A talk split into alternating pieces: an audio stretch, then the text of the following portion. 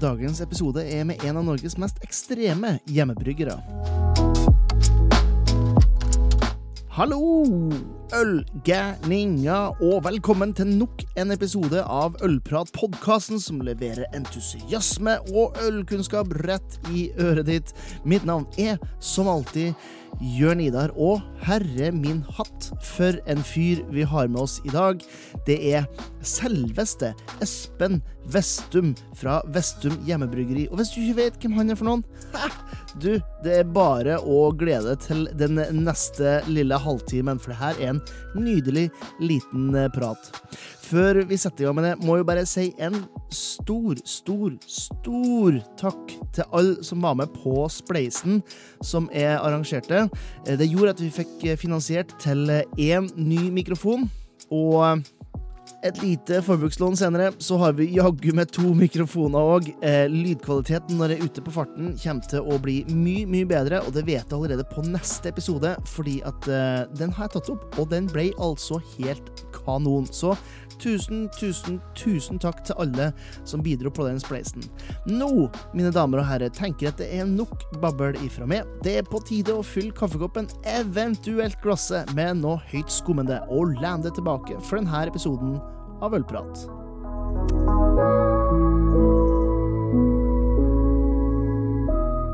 Da ønsker vi velkommen til Norges mest ølglade overkonduktør, som virker å ha nesten en slags fetisj for humle.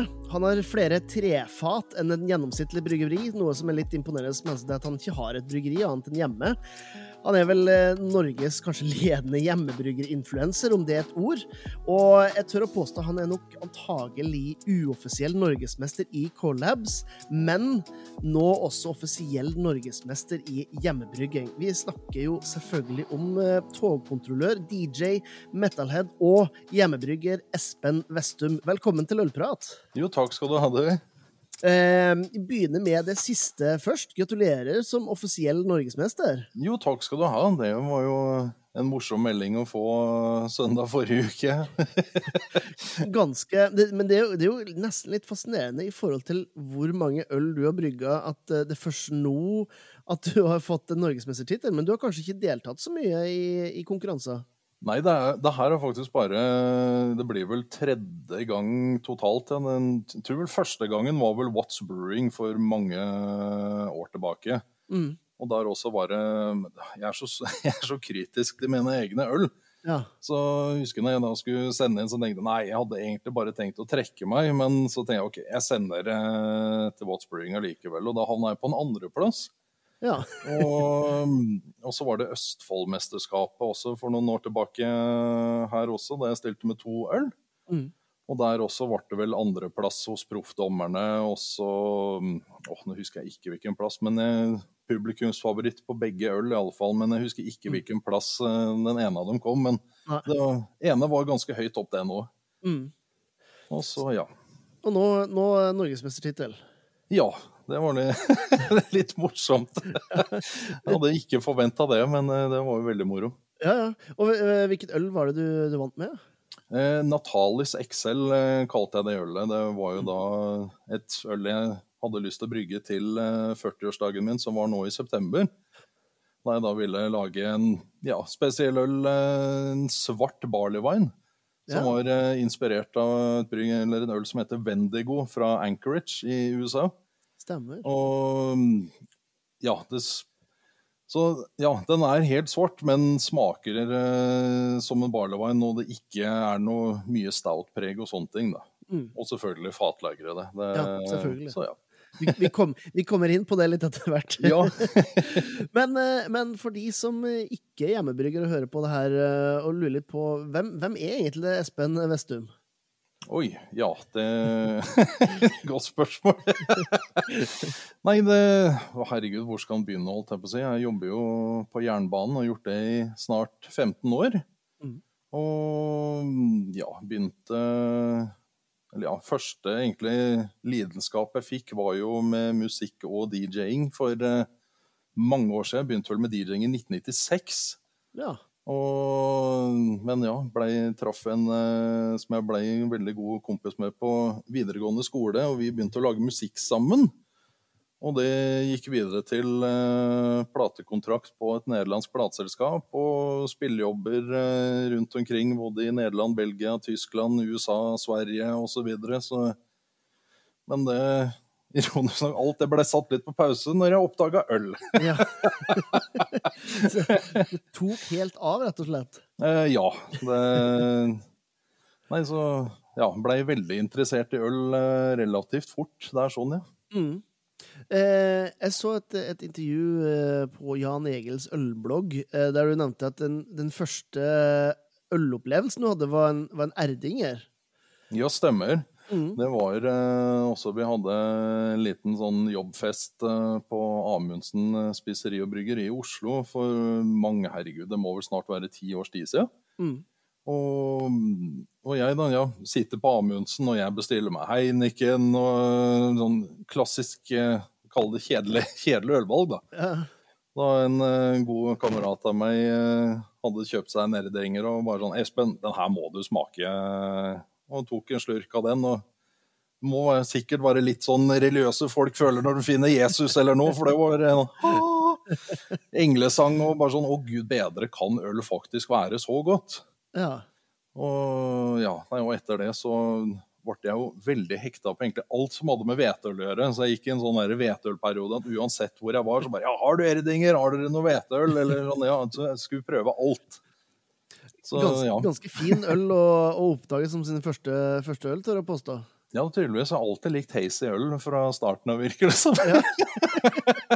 Kanskje u- utseendet på øl som er faktisk tiltrekkende for det. Ja, ikke sant? Kanskje det er det. Ja, for du, eh, eh, du ble veldig interessert eh, i, i øl. Eh, du holder jo til i Fredrikstad, sånn som jeg har forstått det? Eh, Ikke nå. Jeg flytta fra Fredrikstad for fire år siden, så nå bor jeg ikke rett um, ved Eidsvoll. Ja, ok. Så, Ja, for, ja. Men da var jeg ikke helt borte, for at, eh, sånn som jeg forsto det, så var det Kofod bryggeri som ligger ute på Hvaler. Det var der du, du fikk sånn, måte, øynene opp for, for brygging, om jeg ikke forsto helt feil. Jo, det var iallfall det som ga meg et uh, lite spark bak. For det var jo han samme kameraten min som også introduserte meg til uh, den Erdinger uh, Hefeweisen. Så en liten shout-out til Morten Lockert her også. Så, men ja, vi begynte jo å snakke om bare sånn, det hadde ikke vært moro å begynne å brygge øl. Og, og vi snakka om dette mye, og vi fant på bryggerinavn og logo og hele pakka. Så vi hadde jo alt klart, bortsett fra bare det å hm, kunne å brygge øl.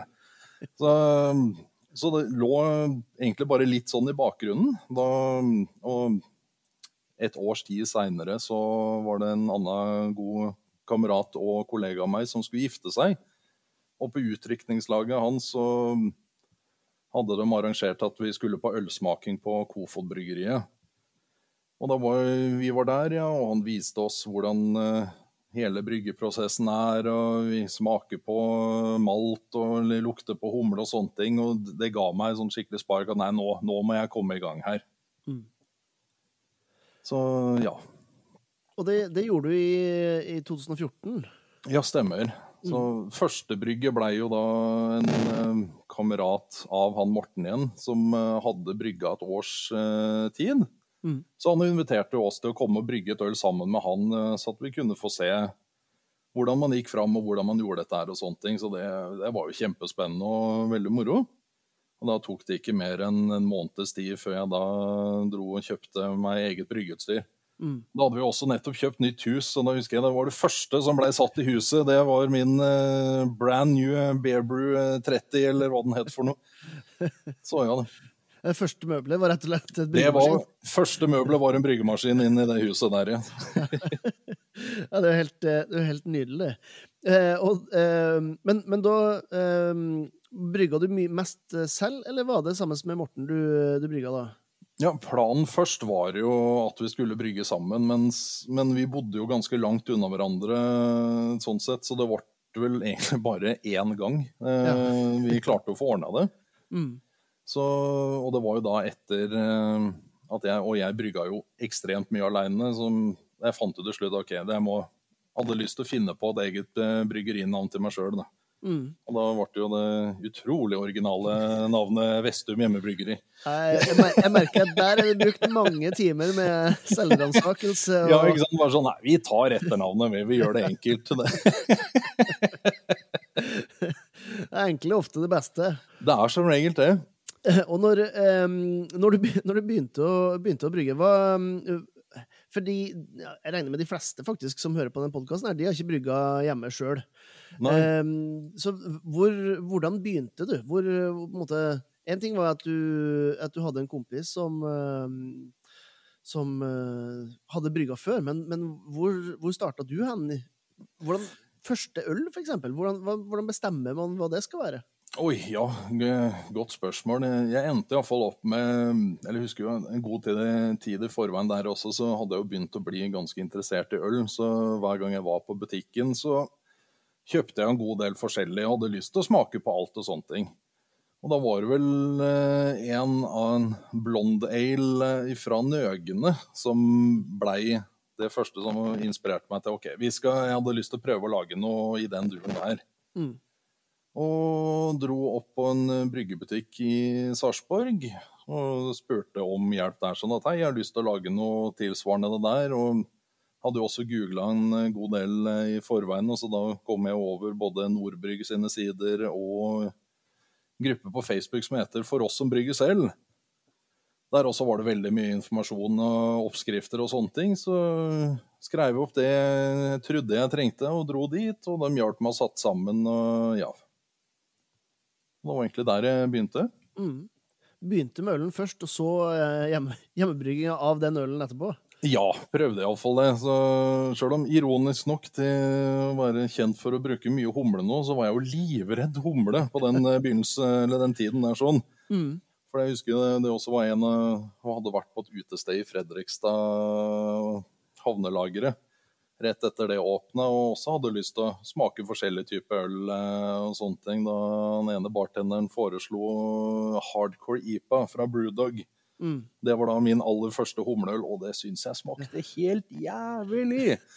Det var helt forferdelig, så jeg ble jo livredd alt som hadde IPA i navnet etter at jeg hadde smakt den. Ja. Så til og med til tross for en helt enkel blond ale, så på humlemengd der og sånn, så var det sånn ah, Er du sikker på at det der ikke er for mye og sånne ting? Så, så det ble egentlig første brygg en veldig underhumla blond ale. altså, det, det, du sier nå, er jo litt fascinerende i forhold til, eh, i forhold til hvordan i hvert fall jeg kjenner det fra internett, der det er liksom det humle oppå i mente. Så det eh, virker ja. nesten som du har en eller annen form for Stockholm syndrom her. ja, det virker nesten litt sånn, ja. Så Dagens episode er presentert av alle de herlige patrionsene over på patrion.com slash ollprat. De bidrar en gang i måneden med noen kroner inn til podkasten, holde hjulene i gang og sørge for god motivasjon for min del. I retur får de tidlig tilgang til de her episodene. De får eksklusive episoder, nyheter først, rabattkoder på f.eks. kulinarisk ølsirkus som arrangeres den 4. februar, og enda lite grann til. Så hvis du liker det du hører og har lyst til å hjelpe med med å få enda mer ølprat ut til folket, så kan du klikke linken i shownotesen eller gå inn på patrion.com slash ollprat. Nå er det på tide å gå tilbake til selve praten. Men, ja. så, men, men, da er du i hvert fall i gang litt stille, stille og rolig, og, så, og etter hvert så Etter hvert så blir du litt kommersiell, selv om det er hjemmebringing. Ja. for, for sånn, om jeg ikke husker helt gærent, så lagde du Warp Zone sammen med Ego Brygghus i 2017. Det skal vel stemme ganske bra. Jeg er litt usikker på årstall, men det høres riktig ut i alle fall. Ja, og da er du jo, er du jo oppe i, i eh, Altså, e- Ego brygghus eksisterer dessverre ikke i dag, men jo Krister eh, og, og Halvor som, som starter Ego. Eh, må jo innrømme, jeg er veldig fortsatt veldig fan av, av ølene deres. Eh, ja. I hvert fall tankene om det. Eh, men, men hvordan, hvordan ble det plutselig et, et samarbeid eh, med et kommersielt bryggeri. Og sånn, ja. Nei, jeg blei jo kjent med både Christer og Christer, holdt jeg på å si. Christer som starta Ego, og andre Christer som tok over eh, noen år seinere. Og det her også var jo fra tida Eller når jeg blei kjent med første Christer, hvis man skal kalle det. VG-Krister. Ja, han var jo også, han var vel, han og en kamerat han var vel også en av de som fikk øl tilsendt fra USA og sånne ting. Mm. Så fikk jo smakt ting fra ja, Treehouse, Trillium, sånne ting. eh, Sjøl om jeg allerede på den tida der hadde blitt ganske interessert i den der New England-stilen. Mm. Og, og brygga jo mye det hjemme. Veldig mye prøve og feil i begynnelsen, for det er jo veldig lett å oksidere de ølene der. Mm. Så, men han da begynte endelig å klare det ordentlig, så var det jo De, de var liksom mine testpersoner, så de fikk jo veldig mye øl av meg. Mm. Og ja, og da også da var det etter hvert og Christer eh, spurte liksom Har ikke lyst til å lage et øl sammen. Så men ja, det hadde vært moro. Så det er vel første gangen jeg også i Ment collab jeg har kjøpt store deler, eller ikke store deler, men noe av humla sjøl. Ja. Galaxy var jo ikke akkurat en humle som var veldig lett å få tak i i Norge på den tida der. Så da bestilte jeg det via den sida som jeg også bestilte veldig mye humle fra i USA. Så Ja. ja, du, fikk, du fikk det tilsendt hjem til det for et, eh, en kommersiell øl som skulle brygges? stemmer. Så, så, fikk, så det var eh, mange halvkilosposer eh, som jeg dro med meg bort til Ego når vi skulle brygge den dagen der. Det, kan jeg se for meg. Men, men det her var jo, var jo slettes ikke det første eller, siste, eller det var det første, men det var ikke det siste samarbeidsprosjektet du skulle hatt. Nei, Og- det er sant. Og eh, jeg har prøvd å holde styr på det her, og jeg må innrømme at jeg, jeg har falt litt av. det er ganske mange. Ja, det begynner å bli en del, ja. Ja, for at, eh, rett etter det her så ble du invitert til Tyskland for å gjøre et, en collab. Om det ble noe av det, husker jeg ikke.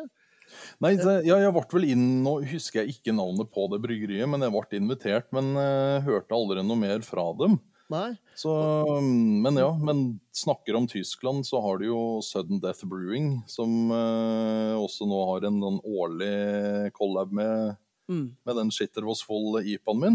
Ja. For dem også, men de også blei jo kjent litt med på Instagram for flere år tilbake også, mens de fortsatt var hjemmebryggere. Mm. Og de uh, fulgte meg, og jeg fulgte dem, og vi sendte litt meldinger om hverandre og innimellom. Og bare sånn, ja, det er, vel når du brygger sånn og sånn, og hvordan er det du gjør det? Så vi delte litt sånne erfaringer der. Så, så det var jo moro når jeg endelig, plutselig bare fikk en melding fra han ene Oliver eh, på bryggeriet der, sånn at de hadde lyst, eh, spurte om jeg hadde lyst til å lage en collab sammen med dem. Ja. Og, og de, sa liksom, de foreslo Skitter hos Vold hadde vært kul, og bare ja, perfekt! Det hadde vært en artig greie til jul, vet du. Ja. Så, og da var det jo etter den første releasen at uh, Da får vi snakka om og bare sånn Dæven, kanskje vi skal bare gjøre dette her til en årlig greie? ja. Og det, og det har det blitt. ja. ja for, og den, den eh, Shitter Was Full, den har jeg også på lista mi over uh, collabs, for den, det er jo et glass også, uh, som du Ja. har laga med Random S-Press. Ja, den S-en står for shit, by the Ja. way. Uh, ja, random shit press. Nei, det, det også er en som bare har random fulgt meg på Instagram og driver og lager glass. Og, og sendte meg melding og spurte om eh, jeg hadde lyst til å være med på en glasskollab. Så, og der også, og der var det jo rett før juletid der også, så jeg tenkte også bare "Dæven, det hadde vært moro med et Shitros full-glass òg, siden jeg da også brygga den sjøl eh, hvert eneste år. Mm. Og han likte jo den ideen eh, veldig godt også. Og da var det da svogeren min, som er grafisk designer, som hjalp eh, oss med å sette opp og lage en vektorfil da, med en litt sånn enklere fil av han køssen Eddie som uh, står med ølboksen. Ja, stemmer. Så Ja.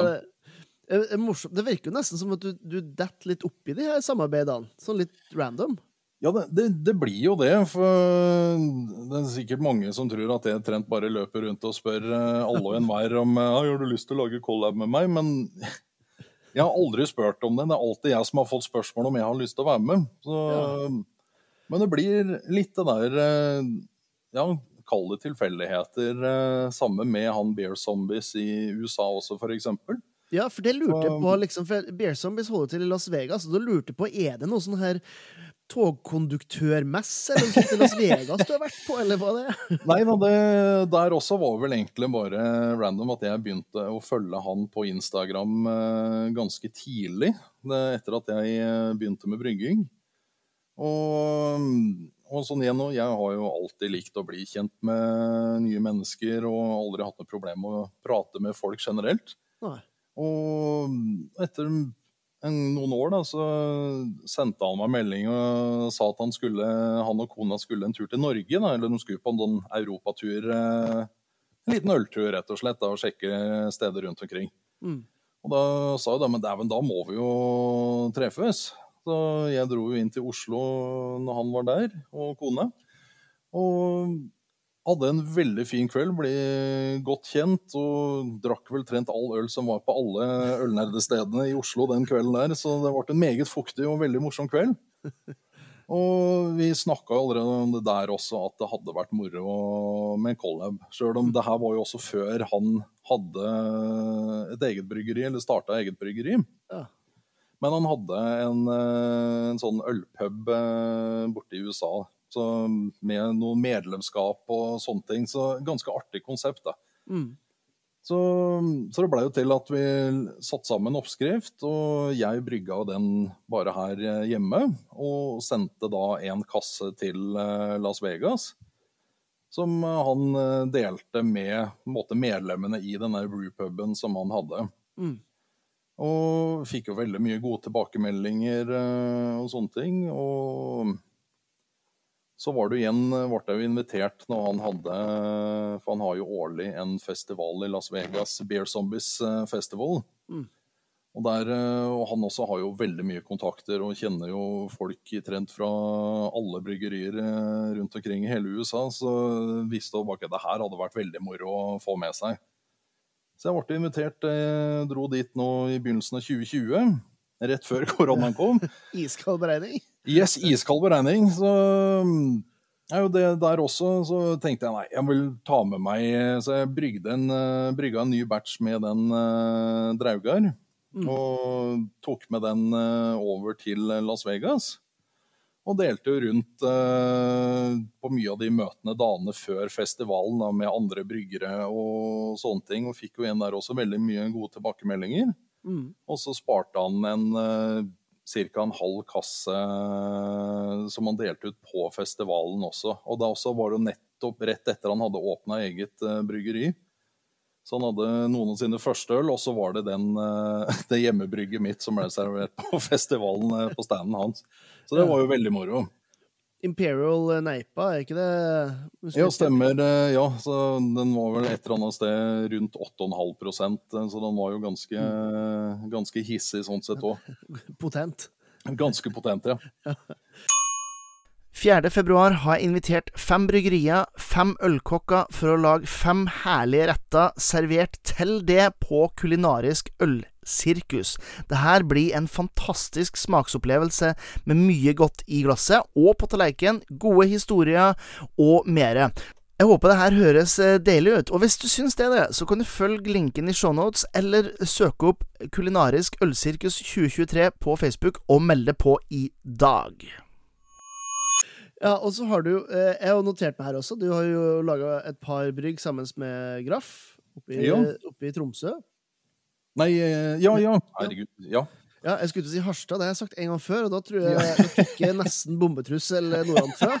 Så jeg skal passe Gud bedre. Ja, man skal passe seg for dem oppi der. De, kan være De står på sitt, ja. Ja, det kan jeg godt, kan jeg godt skjønne. Og så Ja. har det vært et par, eh, et par brygg sammen med Salikat. Ja, stemmer. Eh, og så har det vært eh, flere brygg sammen med, med håndbryggeri, og det er kanskje de som flest folk kjenner igjen, for Hoptweek-serien har jo blitt en ja, Det er vel ikke å underdrive å si at det har blitt en kjempesuksess for, eh, for håndbryggeriet. Nei, absolutt. eh, Mye bra øl på den fronten der, ja. Mm. Så. Hvordan øh, Er det også noen tilfeldighet at øh, du får en random DM, og, og så plutselig så, er Ja, der også, ja, nei, sånn der også har jeg jo blitt kjent, eller blei jo kjent med flere fra håndbryggeriet for noen år tilbake. Mm. Og når de da hadde den håndfest eh, og sånne ting, så var det ofte innimellom at vi, en liten gjeng pluss noen av de håndbryggerisjefene og litt sånne ting, endte opp på et eller annet kontor og delte noe under bordet-øl der og sånne ting. Og, men så også, det var rett etter jeg hadde vært på en USA-tur og kjøpt med meg ganske mye ulike New England IPA-er og Imperial Stouts og sånne ting. Så ble inviterte å ta meg en tur bort dit eh, sammen med han eh, Stefan Ja, på håndbryggeriet. Så, så der ble vi jo sittende, dele øl og kose oss og sånne ting. Og det her var jo noen år tilbake, for jeg husker jo det var en liten periode jeg var ikke veldig imponert over IPA-ene til håndbryggeriet. Så jeg husker jeg ble spurt allerede da om jeg hadde lyst til å lage en collab med håndbryggeriet. Så kanskje litt cocky å si, men da sa jeg til dem ja, det vil jeg gjerne, men da må dere bli flinkere til å brygge IPA først. så, men de har jo absolutt klart det når de fikk inn eh, Steven eh, fra USA. Han er jo Ja. kjempeflink. Så, så da jeg fikk meldinga at nei, nå, var, nå er det vel på tide å brygge, brygge den igjen, eller den collaben vi har snakka om i lang tid. Mm. Og da var det jo, ja, den første ble jo den som jeg brygga for noen år tilbake der nå, som jeg kalte for Sevje, som er en inspirasjon av um, Zapp fra Treehouse, da en New England IPA, men da hovedsakelig bare med skinnøkkumle, som ikke akkurat er veldig typisk New England IPA-humle. Og ja, det var jo flere på håndbryggere som også fikk noen bokser av den når jeg brygga den, og det var vel egentlig der også de bare Nei, den her må vi brygge på håndbryggeriet, og sånne ting. Ja. Så ja. Men det, det er det jo litt sånn spennende for meg det, å, å spørre, fordi at Hva er det som gjør hjemmebrygging såpass eh, morsomt for deg? Altså, hva er, det som, hva er det som gir det gleden med, med hjemmebrygging? Nei, sånn, for min del så jeg har jo blitt en Kall det ekstremølnerd, eller hva man skal kalle det for noe. Det, Og jeg liker også den derre For jeg ser jo ofte så er det at når folk begynner med hjemmebrygging, så fokuserer de veldig mye på det, men de glemmer litt av de der kommersielle ølene som også slippes. Mm. Så de blir eh, kanskje stående litt fast, eller noe sånt, for da drikker de kun eget øl og sånne ting. Så de blir stående litt fast der, føler jeg i alle fall. Mm. Mens for min del, så jeg liker jo å smake på mye rundt omkring. Og så er det sånn hver gang hvis jeg drikker noe som er veldig godt, så er første tanken OK, hvordan kan jeg lage det her sjøl? Ja.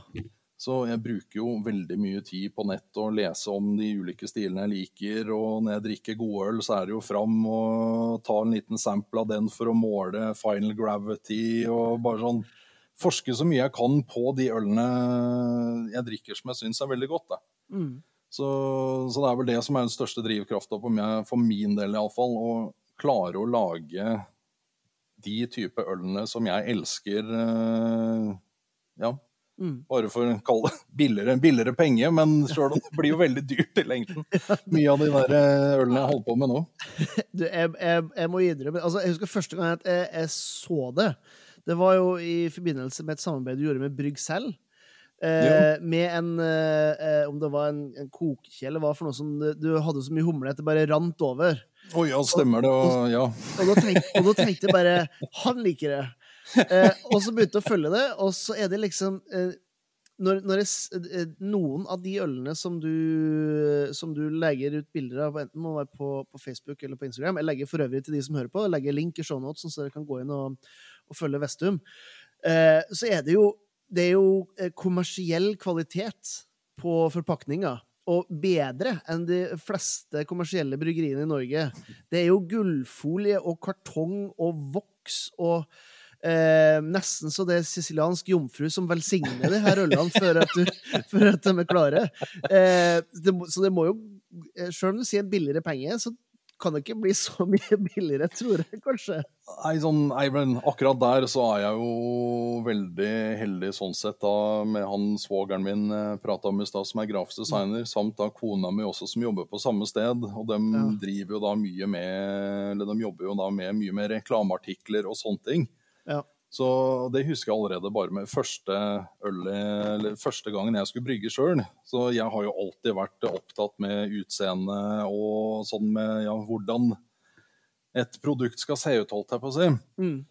Og allerede da husker jeg når jeg spurte da han svogeren min eh, om han kunne komme med noen gode tips til sånn papir eh, for å printe ut på etiketter og sånne ting. Og da fikk jeg bare Nei, men herregud, bare send det til meg, så jeg printer jo dette her på jobben, så får du det på klistremerker og sånn istedenfor. Ja. Så bare sånn, nei, men moro. Da, så egentlig har jeg jo aldri eh, i min hjemmebryggekarriere brukt eh, vanlig papir og lim på med melk og alt det greiene der som jeg ser veldig mange gjør. Så der er jo veldig bortskjemt eh, når det kommer til akkurat utseendebiten. Ja. Ja, det Så, vil jo, det vil jo si. Så det er jo det samme med de boksene og sånn også, for da hadde de kjøpt en ny maskin på jobben der at de kunne lage bokser og sånn. Men nå kan vi lage esker til øla dine og sånn, vet du. Bare å, moro, vet du. For da får jo dem testa det, og så har dem noe greier å vise fram der borte. Så egentlig, det er litt sånn vinn-vinn-vinn. Ja, det vil jeg si. Ja. Det, det gjør at man blir jo litt sjalu, da. Det må jeg innrømme, for det ser jo Ja. jævlig verst ut noen ganger, altså. Ja, det, jeg synes det, er litt, det er litt spennende. Altså, det, det du beskriver der, er jo noe av det som har fascinert meg, i hvert fall med hjemmebrygging. Altså hvorfor folk brygger hjemme, er eh, ofte så forskjellig. Eh, for din del virker det som det er smaken som, er, som det går etter. Noen er fryktelig interessert i teknikken. Noen er, er helt supernerde på det kjemiske. Eh, noen vil jo faktisk bare spare penger, spesielt, i, Ja. spesielt med disse strømprisene. Men da burde vi kanskje finne en annen måte å få litt høyere alkohol på, tror jeg, enn uh, bryggeøl, for det er ganske energikrevende. ja. Så, men det er, jo, det, det er jo spennende. Du har gjort ganske mye på ganske kort tid, tør jeg påstå. Jeg har vel nevnt i hvert fall seks bryggerier her du har laga samarbeid med, samarbeid med på, på de her åtte årene du har brygga, brygga øl. Um, hva, det virker som du er en fyr som sier bare Ja, men det er en god idé. Det gjør vi. Hva, hva, er, liksom, hva er den nye gode ideen, og hva skal du gjøre? Er det noe spennende prosjekt på gang? Ja, nei, sånn, det, ja, det er jo ikke akkurat noe bombe, men det blir jo flere collaber eh, framover. Men jeg har flere invitasjoner til collaber i USA, så det er jo ting som tar litt lengre, mm. lengre tid. Så, men det kan du nevne. Men han også er jo en som da har eh, begynte som hjemmebrygger også når jeg fulgte eh, Brujos, eller hvordan man uttaler det Ja. som også jeg begynte å følge på Instagram. Og vi lagde jo en hjemmebrygge-collab eh, for noen år tilbake der vi satte sammen oppskrift eh, begge to. ja. Brygga vi samme ølen, eh, og så sendte vi noen resultater til hverandre over, over dammen. Så det var jo veldig moro å smake hans variant opp mot min og sånne ting. Mm.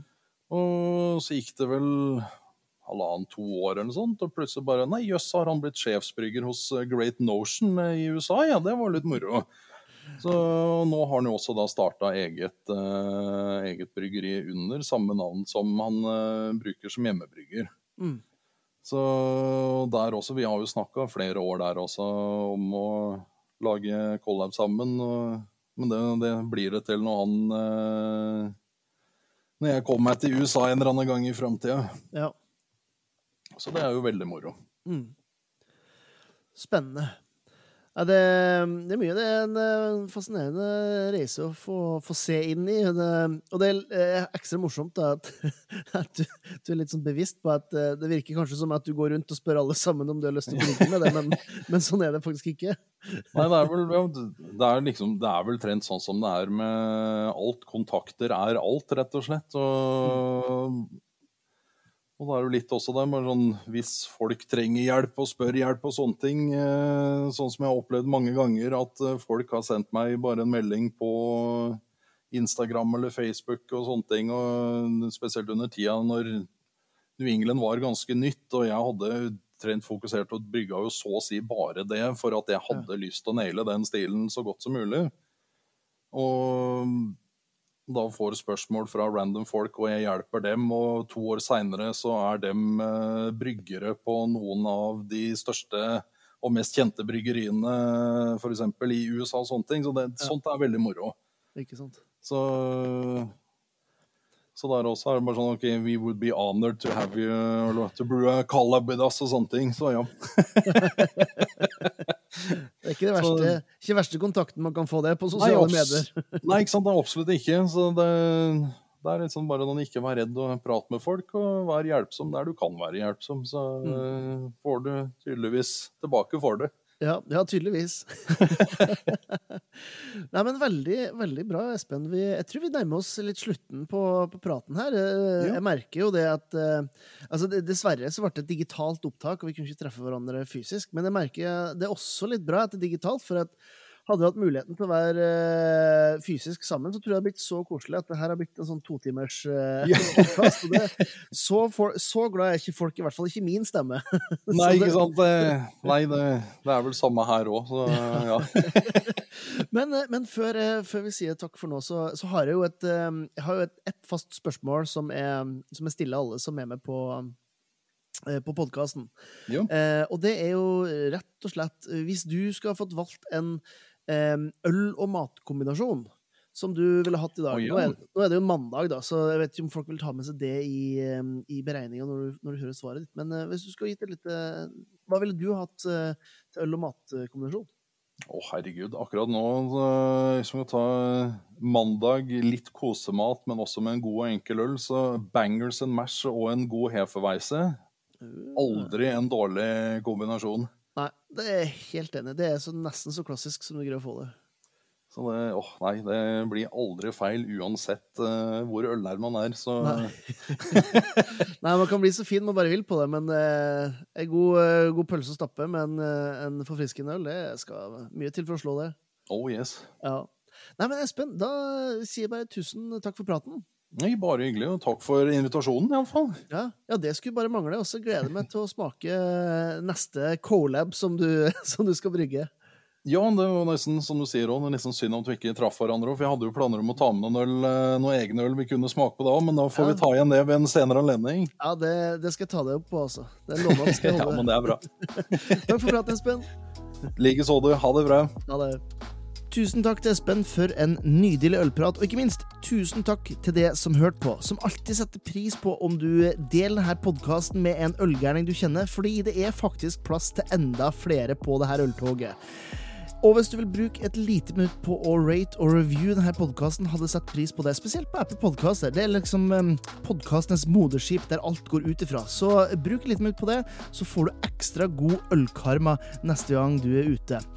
Som alltid setter pris på dere ølgærninger, at dere er med på denne gærenskapen, og at dere støtter opp om det hele. Så får du huske til neste gang vi høres, at livet er for kort for å drikke dårlig øl.